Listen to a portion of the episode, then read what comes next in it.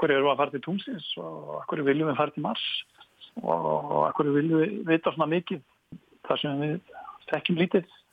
Okkur finnst þetta allt greiðilega spennandi og viljum alltaf komast lengra og lengra. Það er mikið kapp í, í mannskinni og svo var náttúrulega bara ákveðin æfintryljómi yfir fluginu. Þannig að þetta voru svona hetjur áloftuna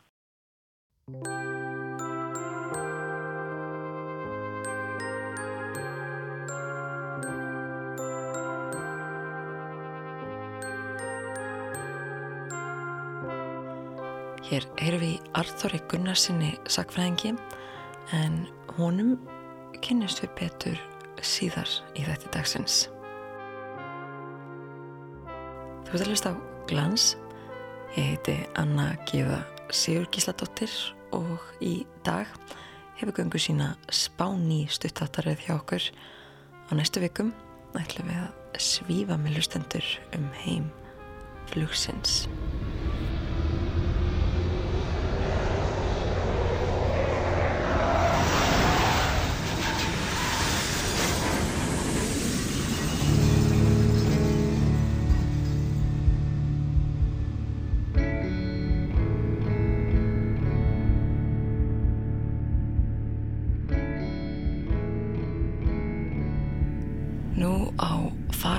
Farsóttartímum með tilherandi sóttvarnareglum og samkomi takmörkunum er innilokkunin ekki aðeins bundin vekkjum heimilisins.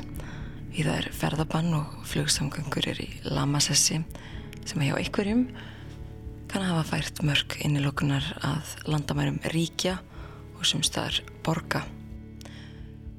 Flug er mörgum hugleikið um þessa myndir hvort heldur djúbstæð, eðlistleg, óraunsæ og draumkend þrámannsins til þess að hefjast á loft og fljúum heiminin ákveðin kvíðalus frelsismynd sem að maður kalla fram í hugleislu eða lett sig dreymum þegar að ítlastendur á.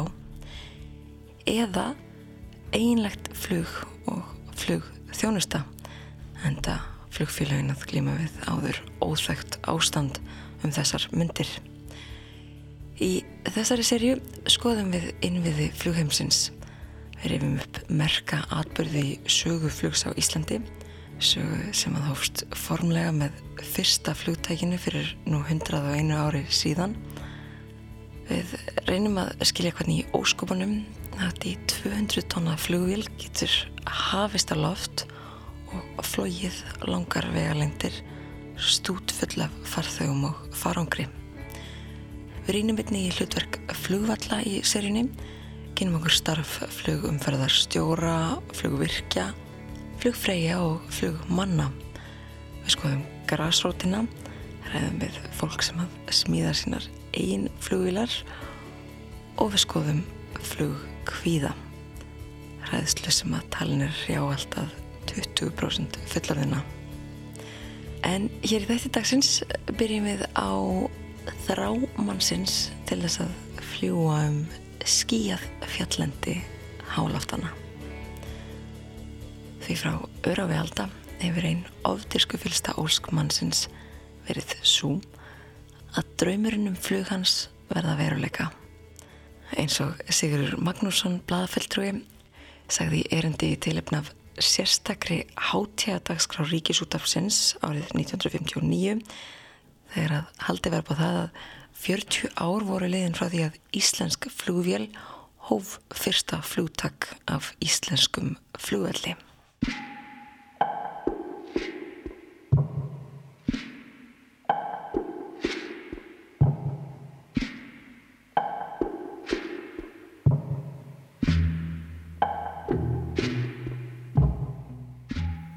Fyrst er þessi fleiga von hins tvífætta jarðbundna líkama svo fjarlæg að Guðunum einum var hún gefin til dýrðar og vexendar.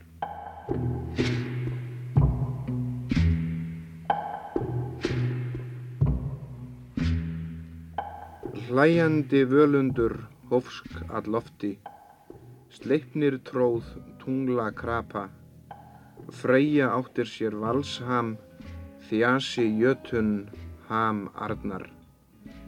Jafi kom úr skýjum híminsins til þess að stíga ofan á sína í fjall í auksín alls líðsins. Og allt fólkið hyrði og sá reyðar þrumurnar og eldingarnar og lúður þitinn og fjallið rjúkandi. Og síðan gerði einn af höfusbámönnum hans hinstu försína til himna í eldlegum vagni sem eldhestar þutu fyrir gegnum stormviðri hins voldöga þrumuguðs. Engum döðluga manni var und að komast inn fyrir þessi vébönd guðana en fyrir því brætti sólinn vaksið af vangjum íkarósar og stifti þannig þeim detalósi í djúb hafsins.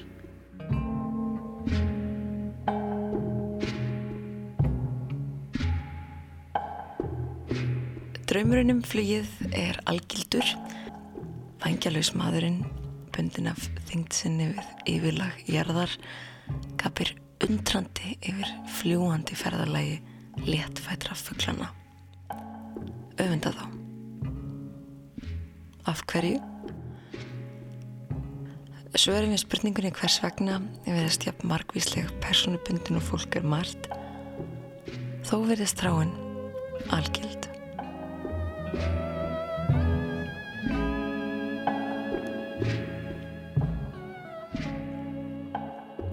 Og líkt á með þennan draum á, á glíma brautriðandum að færa manninum tól til þess að fljúa sér langa sögu.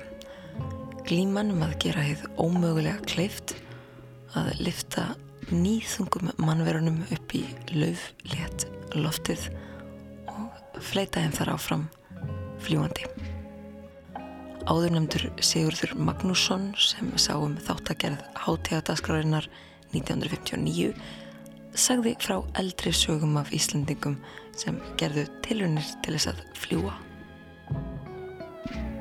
Fyrst reyna menn að gera sér fjadur hami, en afl vöðvanna einna megnaði aldrei að vega upp á móti þingdarlögmálinu og fyrir því mistókust allar þessar tilraunir.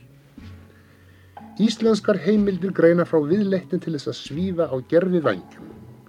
Gísli Oddsson skálhaldsbiskup segir svo um aðdáanlega smíðar í bók sem að ritað á latínu og nefnd hefur verið Undur Íslands. Hert hef ég að annar maður hefði reyndli stetalósar með því að sapna fugglafyrir og fjöðrum, brugði vangjunum undir sig og farið í þá eins og fat og hafi hann svo erfiðslaust geta flóið yfir kvítá í borgarfyrði. Örðulegar gekk Hinrik nokkrum Hinriksinni sem miklu var snemma á átjándu öld og átti heimað yðu í Skálholtssopn. Eftir að hann hafi komist í flugham sínum yfir kvítháa Skálholtshamri eins og borgfyrðingurinn þá þótti þeim austanmönnum nókomiða svo góðu og segir svo um það í sögunni. Nú fundu menn sér skilt að stemma stigu fyrir ofdösku hans og var hamurinn tekin af honum og eðlaður, en honum harbannað að búa til annan, enda dó hann litlu síðar.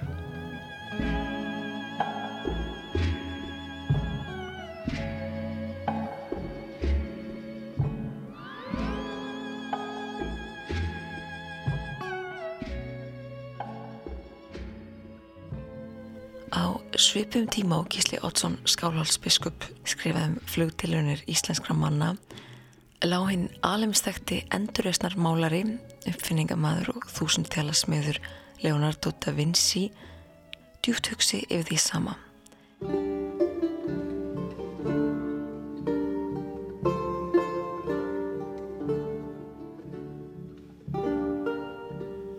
Hrifning hans af flugi og forvitni kemur skýrt fram í minnisbókum hans þar veltra meðlans vengum yfir náttúrumyndun þingdarafls, efnafræði andrúslofts, gangverki vinds og samspili þessara þáttam þegar að kemur að flughefni, fuggla og skortýra. Listrýnirinn Giorgio Vasari segir frá því listamanna annál sínum frá 1550 að Da Vinci hafi stundað það að kaupa fuggla í búrum til þess eins að sleppa þeim. Þannig gafst hann færi á að stúdera gangverki vangja og flughefni fugglana. Í minnisbókum hans er að finna nákvæmar tekningar af anatómíu hérna ímsu fljúandi tegunda, smáfugla, leðurblaka, fljúandi skortýra. Hann breytur þar heilan um hvað fær tegundirnar nákvæmlega til þess að fljúa og veldir fyrir sér hvort manninum hefnist að gera þið sama. Hann punktar hjá sér Ef þú stútirar lífærafæraðið fuggla, tengsl vangja þeirra á brjóstvöðvana sem að reyfa þá, skoða síðan það sama hjá manninum, þá finnur þau mögulega leið til þess að sína fram á að hann getur líka haldið sér á lofti með blakandi vangjum. Maður með nógu stóra og réttilega tengda vangi geti náðað vinna bög á viðnámi andrúslofs og hefja sig ofan á það. Ef að maður á tjaldað lengt og hæð við tólf arma geta hann hensir nýður hvaða hæð sem er án þess að meiða sig. Skrifar Da Vinci í minnisbók sína. Ég er í lokintalaðan um tjald en það sem hann á við er líklegast það sem við kallum fallíf í dag. Annars verist hann meðutaður um að hvers konar fluguppfinning manna kom ekki til með að færa þeim náttúrulegt flugfrelsi og vangi í líkingu við fugglana. Í kapla hans um mögulega flugmaskinu skrifar hann Snillleika á mannsins mun skapa margskonar uppfinningar en hún mun aldrei fennum neitt fegura, hægkvamara eða afdráttalösara en það sem náttúran getur af sér.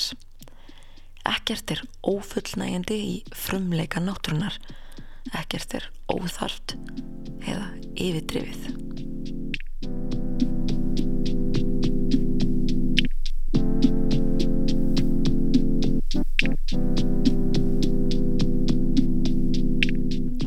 Í áðunendum hátíðarþætti frá 1959 var sagt frá merkum atbörðum í sögu flugsins. Austur í Kína munum en fyrst hafa reynd að svífa með tilstyrk flugdreka en það er ekki fyrir en á síðari hlutu átjándu aldar að mönnum hugkvæmdist að fylla loftbelgi með vettni og búa þannig til tæki sem var léttara en andrumslofti niður við yfirborðjarðar og allt frá því er Montgolfier bræðrum frönsku tóst að láta loftbelg sinn svífa árið 1783 og fram til daga þísku loftskipanna miklu er hugur brautriðjandana bundin við þessa lausnum gátunar og jafnvel enn í dag heyrum við rattir um að sum loftskip framtíðarinnar eigi eftir að verða búinn tækjum byggðum á þessari gamlu hugmynd.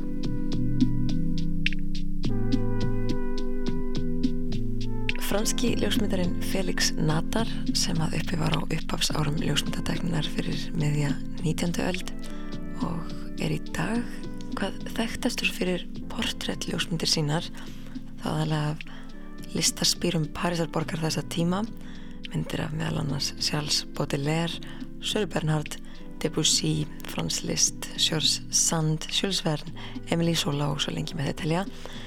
Hann tók einnig annars konar ljósmyndir. Ljósmyndir sem að hann er ekki jafnfrægu fyrir í dag en ljósmyndir sem færði honum ákveðin heiðurstitill þetta voru loftljósmyndir og var hann sá fyrsti til þess að taka slíkar.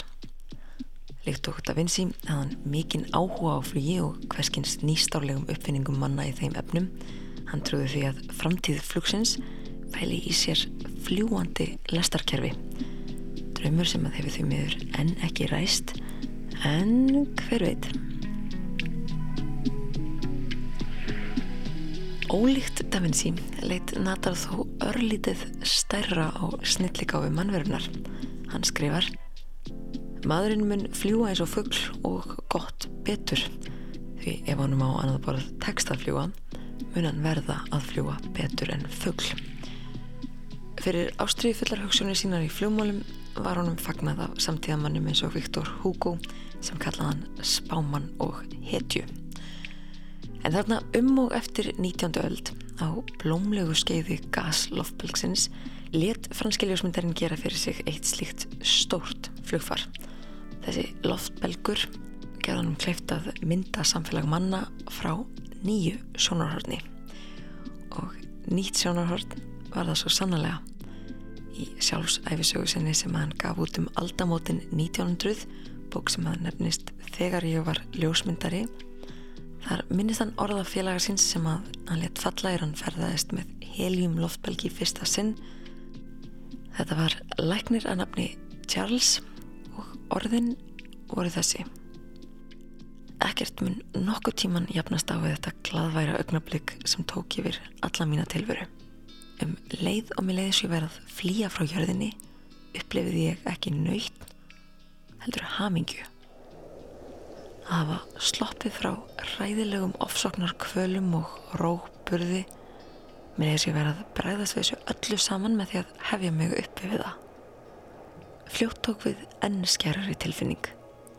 Fyrir ofan okkur var heiminn án skýja og í fjerska var hinn indistegasta sín og þvílík hamingja.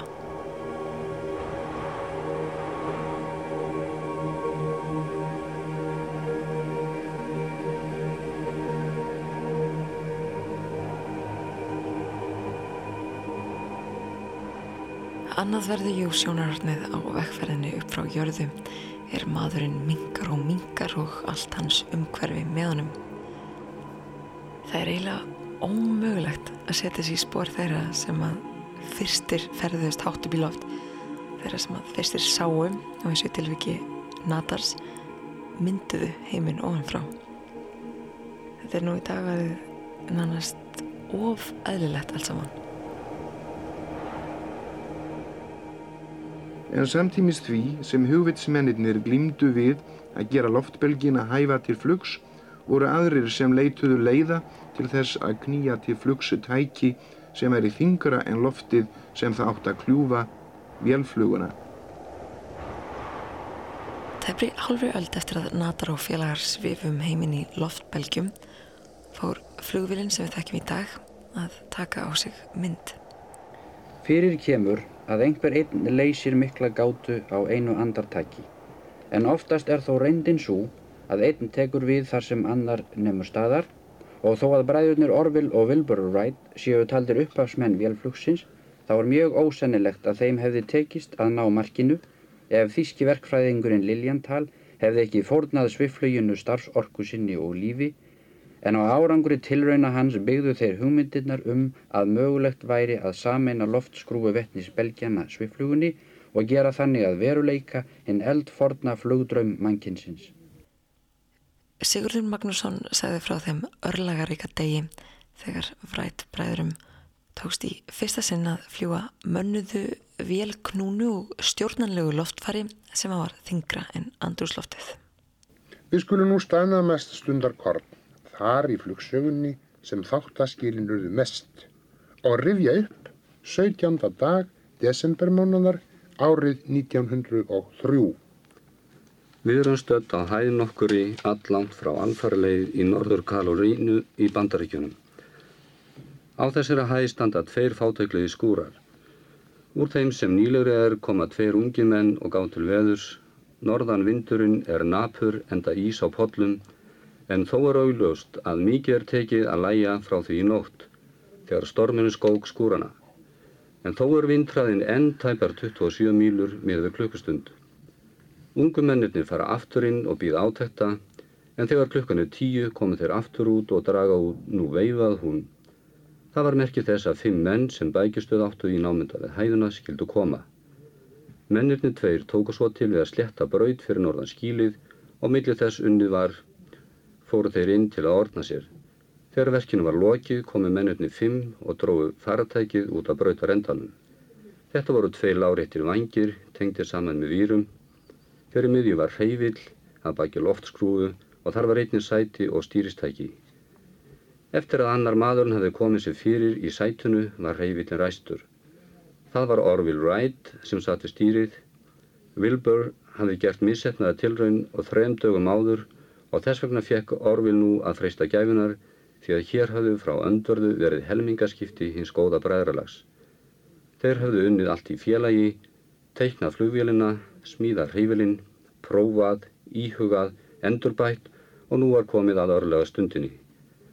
Eftir að hreyfillin var orðin heitur sleppir orvil festastreymum og þá rennur flugvilin beint upp í norðan vindin. Vilbur hlaupur fram með henni og heldur undir annan vangin. Eftir að hafa runni 40 fett, liftit flugvilin frá jörðu. Hún hlykjast áfram í loftinu, rikkist upp og lækkar aftur, hækkar og lækkar á viksl. Og þegar hún hefur farið um 120 fetta leið og 12 sekundur eru leiðnar frá því að flugtækið hófst, þá hlammast hún aftur niður á jörðina. Sigurinn var unnin. Maðurinn hafði að hugvitsemi sinni aukið við eigið afl þeirri orku sem nægði til þess að bera hann upp frá jörðinni. Hann hafði siltin á breið vegu loftsins inn í ævintýra heim þeirra guða sem hugmyndaflug hans hafði íklætt hinn um æða forna óskadraumi hans sjálfs. Að verða þeim líkur, eignast valshaminn góða, eldvagnin sem klýfur stormskíin, afl eldhestanna sem þjóta um heimingeinum og þar með hóst flugöldin.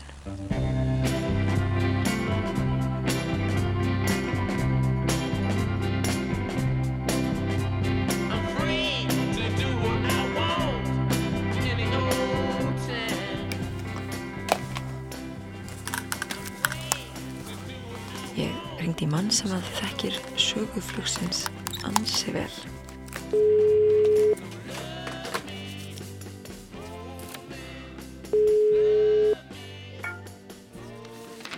Halló? Sæl, Arþór. Já. Lesaður, Anna Gíða hér. Það var sæl. Herðu, ég var að spá hvort við getum byrjað þetta á kynningu. Þú segir hvað það heitir og hvað það gerir. Já. Já, ég heiti Artur Gunnarsson, er sakfræðingur að menn og er sjálfstætt starfandi sem styggur og hefur verið lengi. Já. Þetta er ímisverkefni. Fyrir tveimur árum gaf Arþór ásand í Savia út ritt um sögu flugvalla og flugleðsögu á Íslandi. Ég spurði hann út í helstu þætti í flugmálum fram að heimstyrjöldinni síðari. Það má segja sko að, að þróan í smíði flugvila hafi tekið mikið klipp í heimstyrjöldinni fyrri 1914 til 18. Þá voru flugvila nýttar í hernaði meðal annars til loftarása að vísu í litlu mæli með að við síðari tíma en enga síður en voru hann að sjá möguleiki því að virkja þessa nýju tækni í hernaði. En síðan að, að stríðin loknu að þá hófst farþegaflug og postflug í litlu mælu þetta til að byrja með en, en smá saman að þá verðu flugvilarnar stærri og þingri burðar meðri. Þannig að þróunin í smíði flugvila var frekar hröð og bara mjög hröð er hótt að segja á árunum milli stríða, cirka 1920 til 40 og að samaskapi þá þurfti að gera flugvellina, lendikastæðina betri, þannig að þessar stærri flugvellar getur þá nota þá. En til að byrja með þá voru flugvellina aðalega grasvellir, oft hringlaga eða, eða fjerkantaðis og menn tóku þá bara loft og lendu eftir því hvernig vindáttin var í, í það og það skiptið en það uh, má segja að svona á fjóruð áratögnum þá færði að leggja flugbruttir og jáfnvel þá með bundnu slitlægi og þá fór að koma svona þetta form á flugvöldina sem, sem við þekkjum í, í dag. Og uh, en þá eru líka komið fram á, á sjónasviði flugvöldar eins og Douglas TC-3 sem voru notaði mikið hérna í innlandsfluginu eftir miðöldina síðustu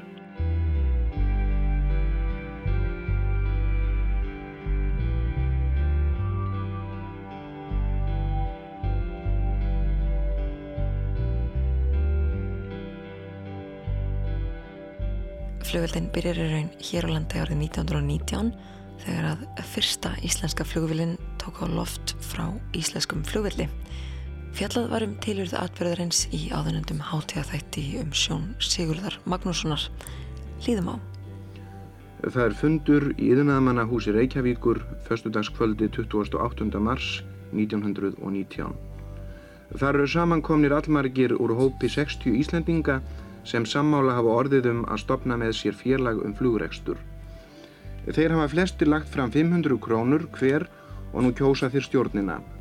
Formaður hennar er Kjöring Garðar Gíslason, fjehirðir Pétur Halldórsson, Pétur A. Ólafsson varaformaður, Halldór Jónasson reytari og Axel Vaff Túnilíus meðstjórnandi.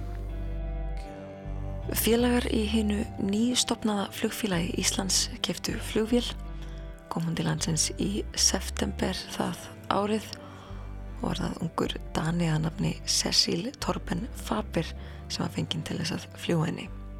Eftir að flugvélinn kom unnu þeir Faber og erlendu vélamennir tveir við að búa hana undir fyrsta flugið. Klukkan 5 eftir hádegi 3. september árið 1919 fór Faber í reynsluflug sem tókst vel og um kvöldið hófs svo flugsýningin að lokinni ræðu Garðar Skíslasonar en margmenni hafði sapnast saman við flugvöllin. Og horfðu menn þar á það með undrun og aðdáun er Faber settist við stýri flugvélarinnar og rendi henni svo fimmlega upp í kvöldhúmið við fagnaðaróp og lófatök áhorvenda.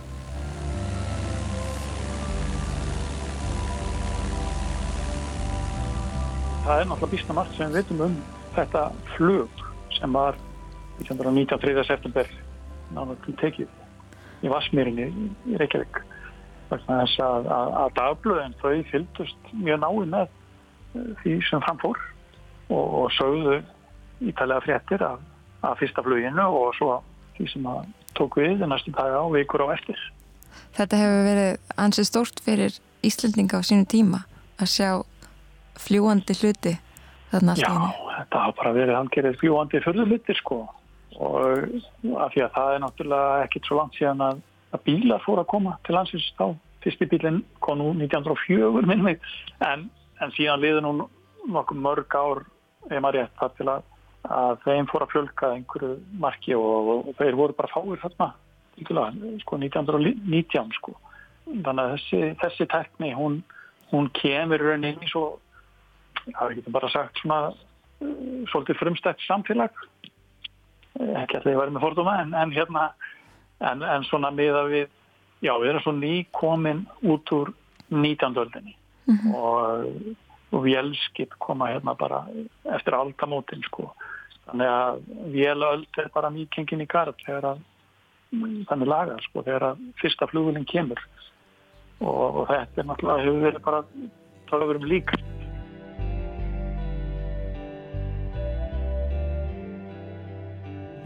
Fjöldin allur hafði aldrei sé flúvél lifta sér til flugs og það hefur einkennilega áhrif á jarðbundnar verur, segir Morgunblæðið og bætir við að herstar hafi orðið fyrðu losnir, hundur nokkur trilst og krakkar hrínið er flúvélinn lækkaði sig.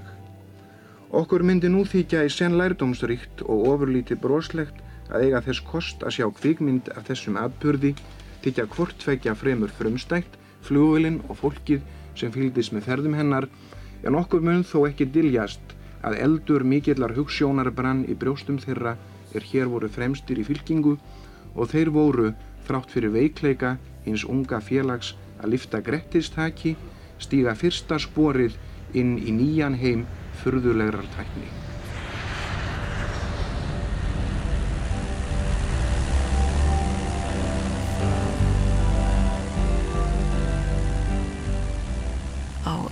Tíma er hátíðadagskrá Ríkisútafsins árið 1959 í tilöfna 40 ára ammali fyrsta flugsins var unnin voru allir í stjórnins upprunalega flugfélags Íslands nema einn látnir. Sá eftirlifandi var reytari félagsins Haldur Jónasson frá Eidum en hann Hann átti íkjulaust einn mestan þátt allra í stofnum þessa fyrsta flugfélags og var framkvæmdastjóru þess með að það var og hétt Halldór situr nú í send brúðrar elli á samt öðrum góðum mönnum að hrafnistu í Reykjavík en þannig skulum við nú bregða okkur og hitt hann að máli. Halldór, nú langar mér til að byrja þig að segja hlustundunum eitthvað frá fyrstu kaupunum, undirbúningnum að kaupum flugulunum eftir að þið eru búin að stopna félagi. Hvað, hvað var það? Hún, uh, vélum var kæft í England. Englandi. Englandi og tegundin var? Það var Avró. Avróvél? Avróvél, uh, kjensluvél. Já með tveimur stýristækjum ja. og hefði geta borið meir en tvo en sæti vork fyrir, fyrir, fyrir fleirin. Hún kom hingað með skipi sem þá hétt Vilumós ja. en síðar var kæft hingað og kallað Selfoss. Ja. Og þið voru þá búin að reysa skálan í Vestmílunum? Við vorum þá búin að, að reysa hann, já. Hvað getur þú sagt hlustundunum um þennan fyrsta flugmann? Já, það er nú lítið annað um hann að segja. Það var ágætur flugmaður. Flugmaður, hann var, hann var danskur var það ekki? Hann var danskur, já. En var. En hafi verið í þjónustu breyta. Alveg. Og... Nú, svo var fyrsti flugdagurinn ákveðin 3. september. september. Maður skoðin veðri var? Já, það, það var, það var, það var svolítið lítið en veður gott annars. Maður stú nokkuð að segja okkur um viðbröð áhörvendana? Mm, það var nú náttúrulega, þeir voru ekki margir viðstættir. Nei. Nei, ég því að hann, hann, hann uh, tók sig upp eiginlega öllum að ofur. Já, já, já. Já, hann gerði það. En þegar þetta ferlíki var komið á loft, þá horfðu allir í, í undrun. Mikillir forundran, já. Mikillir forundran. Og um, þar var meðal annars, hann var að segja frá því nýlega, hann Guðbrandur Magnússon, já. sem allir kannast nú við, jú. að, að, að kýrnar hans hans Eggerts Brím þarna við eh, Laufosveginn, það var nefnilega fjós sem þeir höfðu þar. Þar hefðu orðið svo hissa þegar við sest nýður. Nú við það.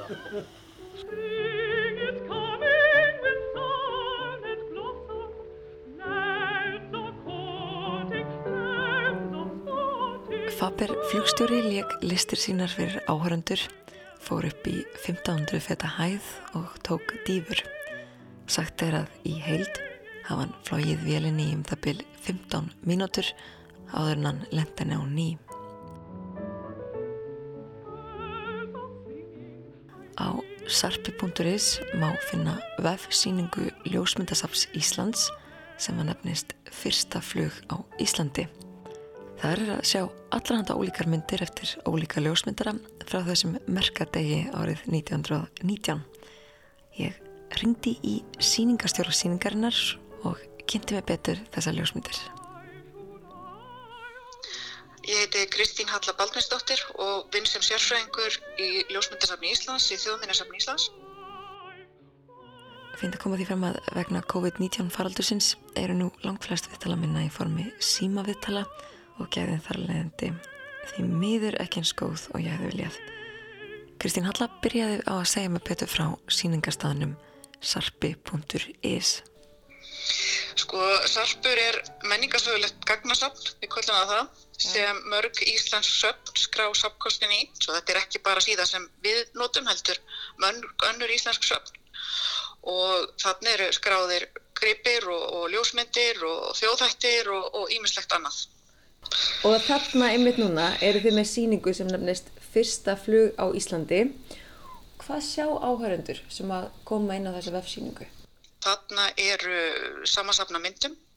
Þetta eru 14 myndir. Það eru ímest varveittar sem pappismyndir, postkort eða filmur hjá okkur í safninu. Mm -hmm. Og þannig er hægt að smetla á hverju eina mynd og, og skoða hana betur og skráningu á henni. Og svo er lítill texti sem fylgir svona um helstu upplýsingar varandi fyrsta flugið sem var í Vastmýrinni þarna í september 1919. Og hvaðan koma þessar myndir? Nú er þetta 14 myndir, allar frekar ólíkar. Já, það er komin út bara úr geimslum okkar í samninu. Það eru varveittar þar bara við, við góð skilirði en það er þess að hafa komið úr ímsum áttum. Skulum segja það. Það er þarna nokkar eftir Magnús Ólásson, hann tók sirpumynda þarna í, uh, við þetta tækifæri. Og svo hérna eru tvær myndir frá Guðmundi Lítal sem tók þetta myndum, hann var held ég símamálustjóri, ég fær ekki meira á mál held ég. Og hans uh, filmusafni er varveitt hjá okkur líka. Svo er þetta svona ímsar pappismyndir, postkost og, og eitthvað sem hefur komið til okkar bara úr einum ímsu áttum. Þannig að að byrja með er þetta svona forvittnis ljósmyndir af þessari fyrstu flugvél. Já, að mestu leiti, þá er þetta svona, svona kurjósa, þetta er svona eitthvað sem er forvittnilegt og eitthvað nýtt. Já Það er einn svolítið skemmtileg myndina og það er hérna, leiðum bara að segja að þetta lítir að vera fyrsta loftmyndin, ef þetta er fyrsta flugið á Íslandi, mm -hmm. þá lítir þetta að vera fyrsta loftmyndin sem er tekin af... Jú, myndi, myndi halda það, það Já. er einmitt hérna, það, hún er svolítið skemmtileg, hún er mest Magnús Jólasinni en hún, að þetta er eftirtakaðurinn hjá okkur sko, uh, stór hluti, Magnúsar er á ljósmyndam Reykjavíkur en við erum reynda með svona blandsapp frá honum og föður hans sem var líka ljósmyndari. En þetta er eftirtaka sagt, og væntanlega mitt er þú segir fyrsta lofmyndin, fyrst að það var ekki verið að fljúa neitt áður. Nei, Maður sér að Reykjavík hefur breyst tölverst. Já, það hefur tölverst bæst, bæst í byggð og, og bæst á trjám líka. Já, ennum. Er mikilvægt að við eigum ljósmyndir af þessu fyrsta flugi? Já, Hvers? ég held að það sé mjög mikilvægt. Bara sem eh, flestar myndir séu dýr frá svona sögulegum viðbörðum. Við hefum oft grínast með það í vinnunni að við vildum við eftir um sko tímavill. Því fólk er að byggja myndir af ykkur sem er bara ekki til. Við vitum það bara að það er ekki til. Annarkort bara fyrir ljósmyndaöld eða, eða bara þannig að það var ekki velar á þeim landsluta eða slíkt eða við þann stað á þeim tíma. Svo að það er alltaf gaman þegar maður finnur myndir af einhverju sem er svona sérstakt.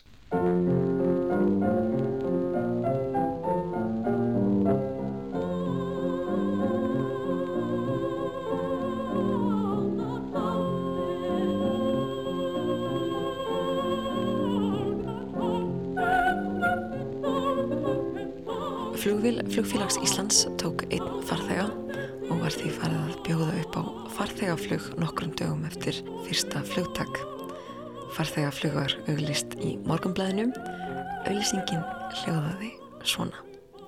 Farþegaflug í dag og morgun klukkan 2 til 5.30 og klukkan 7 til sólsetus báða dagana.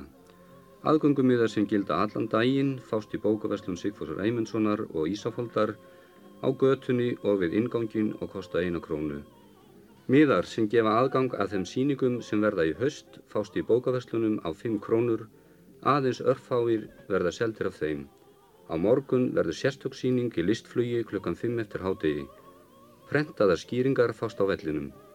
Farþegamiða á 25 krónur fyrir 5 minútna flug geta þeir sótt sem pantað hafa til rítara félagsins klukkan 11-12 fyrir hádegi. Annars fást þeir hjá flugmanninum sjálfum úti á flugvelli. Farþegar geta kipti slisatryggingu hjá flugmanninum, annars fljúa þeir á sína eigin ábyrð. Stránglega bannað að fara yfir girðingar og tún einstakra manna. Aðgangurinn er frá laufásvegi.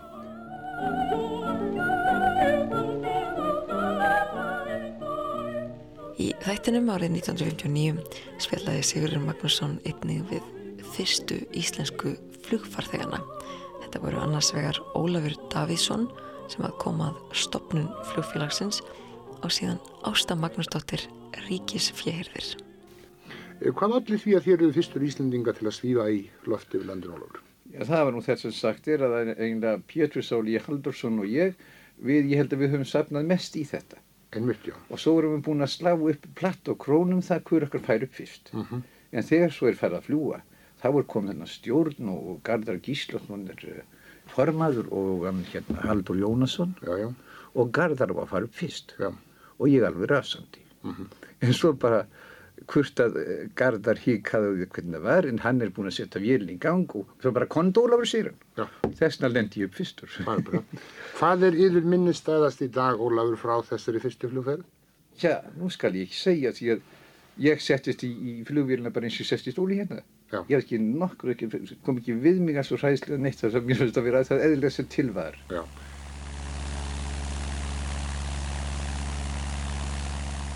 Segðu mér, stu að þóttu það ekki djarft tiltæki á ungri stúku að fara í flugferð 7. september 1919? Nei, ég veit það nú ekki. Má ég byggiður að segja hlustundunum frá þessari fyrstu flugferðið þar? Þetta var svo stutt flug og því ekki frá miklu að segja. Ég var óhappið með veðrið. Flugumæðurinn spurði mér hvort ég vil ekki fresta fluginu þar er útlut væri fyrir vestnandi veður.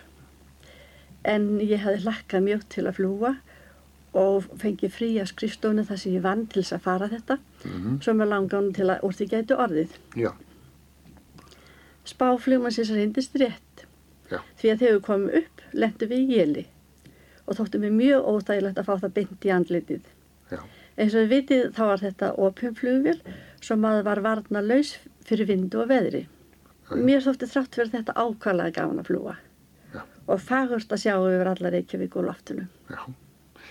Það er nú það. Myndu þér áræða núna að fljúa samskonar flugvél og þeirri sem þau fluguði fyrir réttum 40 árum? Þetta myndi ég fara upp í samskonar flugvél en heldur ekki sé að fá nýtusku flugvél með öllum þeim þægindum sem hún eru á að bjóða. Já, ekki það um það.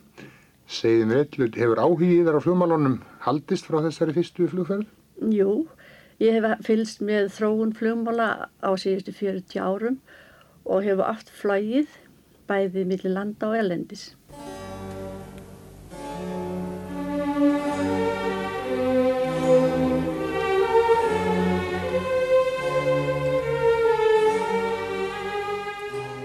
Flugfélag Íslands byggði upp á farþegaflög í ár í viðbót áður en að lagði sér niður vegna fjárskorts. Á setna starfsárinu var flugmaður félagsins vestur Íslendingurinn Frank Fredriksson. Hann hefði þá áðurflögi með Royal Flying Corps í fyrri heimstyrjöldinni. Þannig sumarið 1920 var fyrsta flugsleysið í sögu landsins. Þetta var þann 27. júni Fredriksson var við það að taka af stað og vélinn nærið því búin að lifta sér frá jörðum en þá bara við að mótorinn gekk ekki nægilega vel til að halda vélinn á lofti. Hún seg því til jarðar aftur og brunaði áfram. Stránglega banna var að farin á flugvellin eða flugtúnið en spendir áhörundur eða ekki fyllt leðpinningum farið inn á túnið og byrt þann eina veg sem vélinni var fært að stöðva á. Fredriksson tók þá að það ráð að renna flugvelinni beint á skurð þar sem minnst síndist vera fólki. En hann lendi þá á tveimur ungum sískinum og varð annað þeirra nýju ára stúlka Svafa Gíslatóttir fyrir vélinni og lést samstundis. Á VF Flugsaps Íslands segir að slesið hafi auðvitað verið mikið áfall fyrir alla og af dagbókaskrifum Fredrikssons veðist atbyrðin hafa haft mikil áhrif á hann.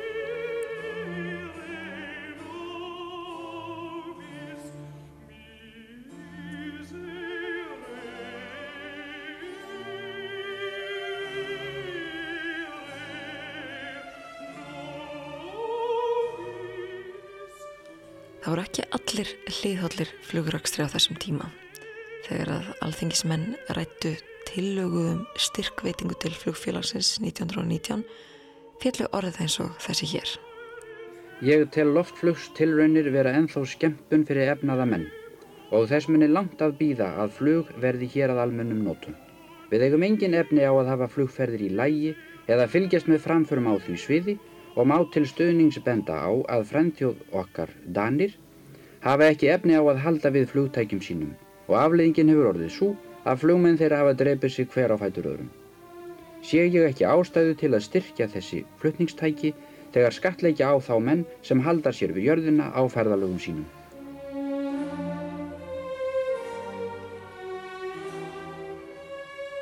Annað flugfélag var stopnað hér tæpum tíu árum síðar en það var efnaðarskrepa handa við hodnið og læði starfsuminn aftur af eftir örfá ár að ekki voru ráðamenn en óvilhallir flugrekstri. Árið 1932 var rætt um ákvæmna grein laga um flugmálasjóð. Þá eru til dæmis skoðanir eins og þessar hér látnar falla. En lítum svo á flugfélagið. Var það stopnað vegna nöðsynja landsmanna? Skipti það svo miklu máli hvort einstaka bref eða einstaka farþegi komst tveim dögum fyrr á ákverðunarstaðin ellakinn að hafa orðið? Nei, hér var ekki um neina þörf eða nöðsyn að ræða. Til flugferðana var engungu stopnað til að svala sport og skemmtanalöngum þjóðarinnar að sínuleiti eins og leikhús og kvikmyndahús. Þegar þannig er komið fyrir félaginu er ekki annað að gera en að halda veglega líkræðu yfir flugfélaginu og lofa því svo að sofa í fríði. Okkur vantar fjö og auk þess er engin þörf á þessum farðartækjum sem vitaðir um að geta ekki komið okkur að neinu gagni. Önnur gagnsemi af flugfjörðunum, til dæmis farþegaflutningar og postflutningur, er hégómi einber.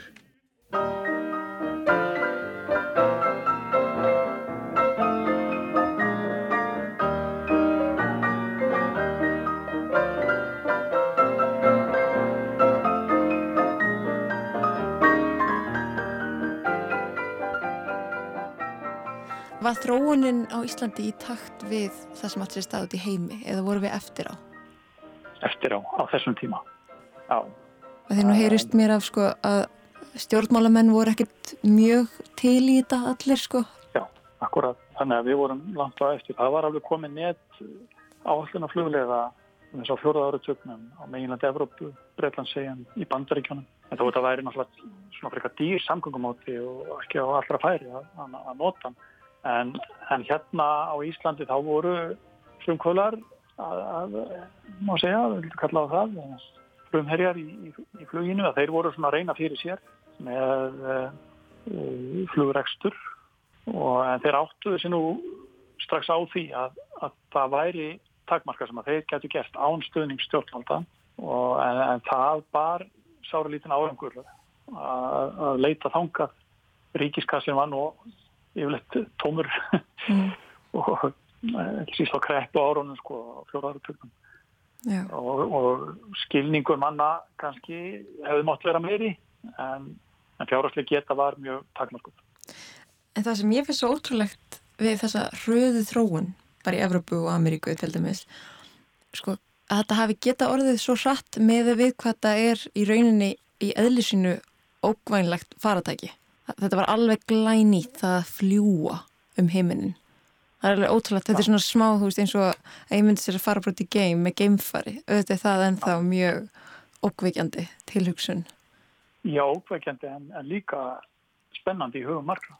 Þannig að, og það er held ég bara það sem að eh, rekur mannkynni áfram. Það er bara forvitni fyrst og fremst kannski þetta ekki, ég held að akkur eru að fara til tómsins og akkur viljum við fara til Mars mm -hmm. og akkur viljum við vita svona mikið um, þar sem við þekkjum lítið undir djúpinn og hvað það nú er allt saman okkur finnst þetta allt greiðilega spennandi og viljum alltaf komast lengra og lengra það er mikið kapp í, í, mannskinni og svo var náttúrulega bara ákveðin æfintirljómi yfir fluginu.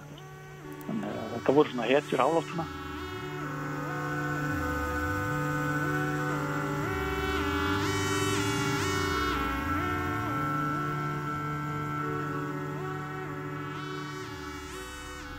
Fer að liða lókum hjá okkur í þessum fyrsta þætti í stuttátaröðum flug.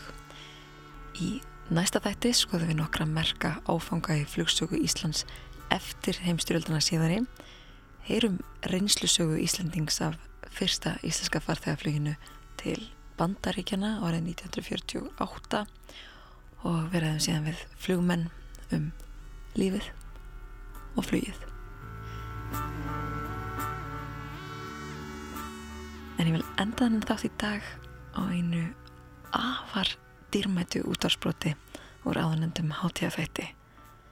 Frank Fredriksen, flugmaður, er þá komið til landsins til þess að fagna ammali fyrsta flugsins og er hann fór på hafnustu til þess að heimsækja fyrrum starfsbróður sinn Haldur Jónasson sem við heyrum hér í áðan þá laumaðist dagskrakjaðamæður útvarps meðferðis með upptökutæki í hendi. Ég hef sjaldan heyrt gama hljóðbrota þessum meði. Hér fálustundur nefnilega að vera eins konar flugur á vegg er vinir sem að aðskildur hafa verið í 40 ár hittast á ný.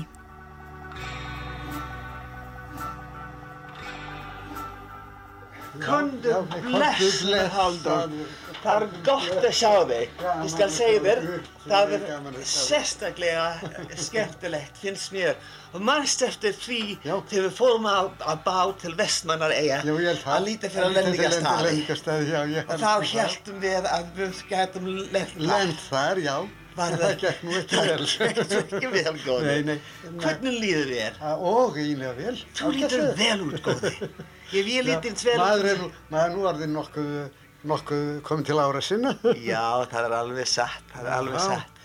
Og, og, og, já, og nú, og nú sé ég þig ekki. Þú sérð mig alltaf. Já, já. Af því þú hefur það í huga þínum sem að mörg fólk hafa ekki einu sinni í augunum sínum. Já, það getur verið, það getur verið. Það er alveg satt og ég man svo vel eftir og hvað góðu þú varst við mig og allir aðrir sem voru í, voru í flugfélaginu og margir hafa farið núna. Margir, já, margir eru Hornir, hornir, já. En er þetta langur tími? Það er langur tími. 40 ár er ekki svo stuttur tími.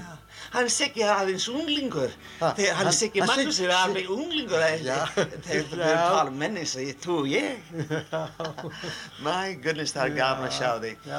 Það, myndi vera gaman ef ég gæti núna farið upp í vél og tekið þið upp með mér. Jú, þetta vorum við nú stundum að, að, að herra í í loftinu. Manstu þegar sér að Fridrik Fridriksson fór upp með mér Já. og hann sagði að þetta er næst himnaríki sem ég nokkur sem ég nokkur komist. Manstu þetta því? Já, já, já.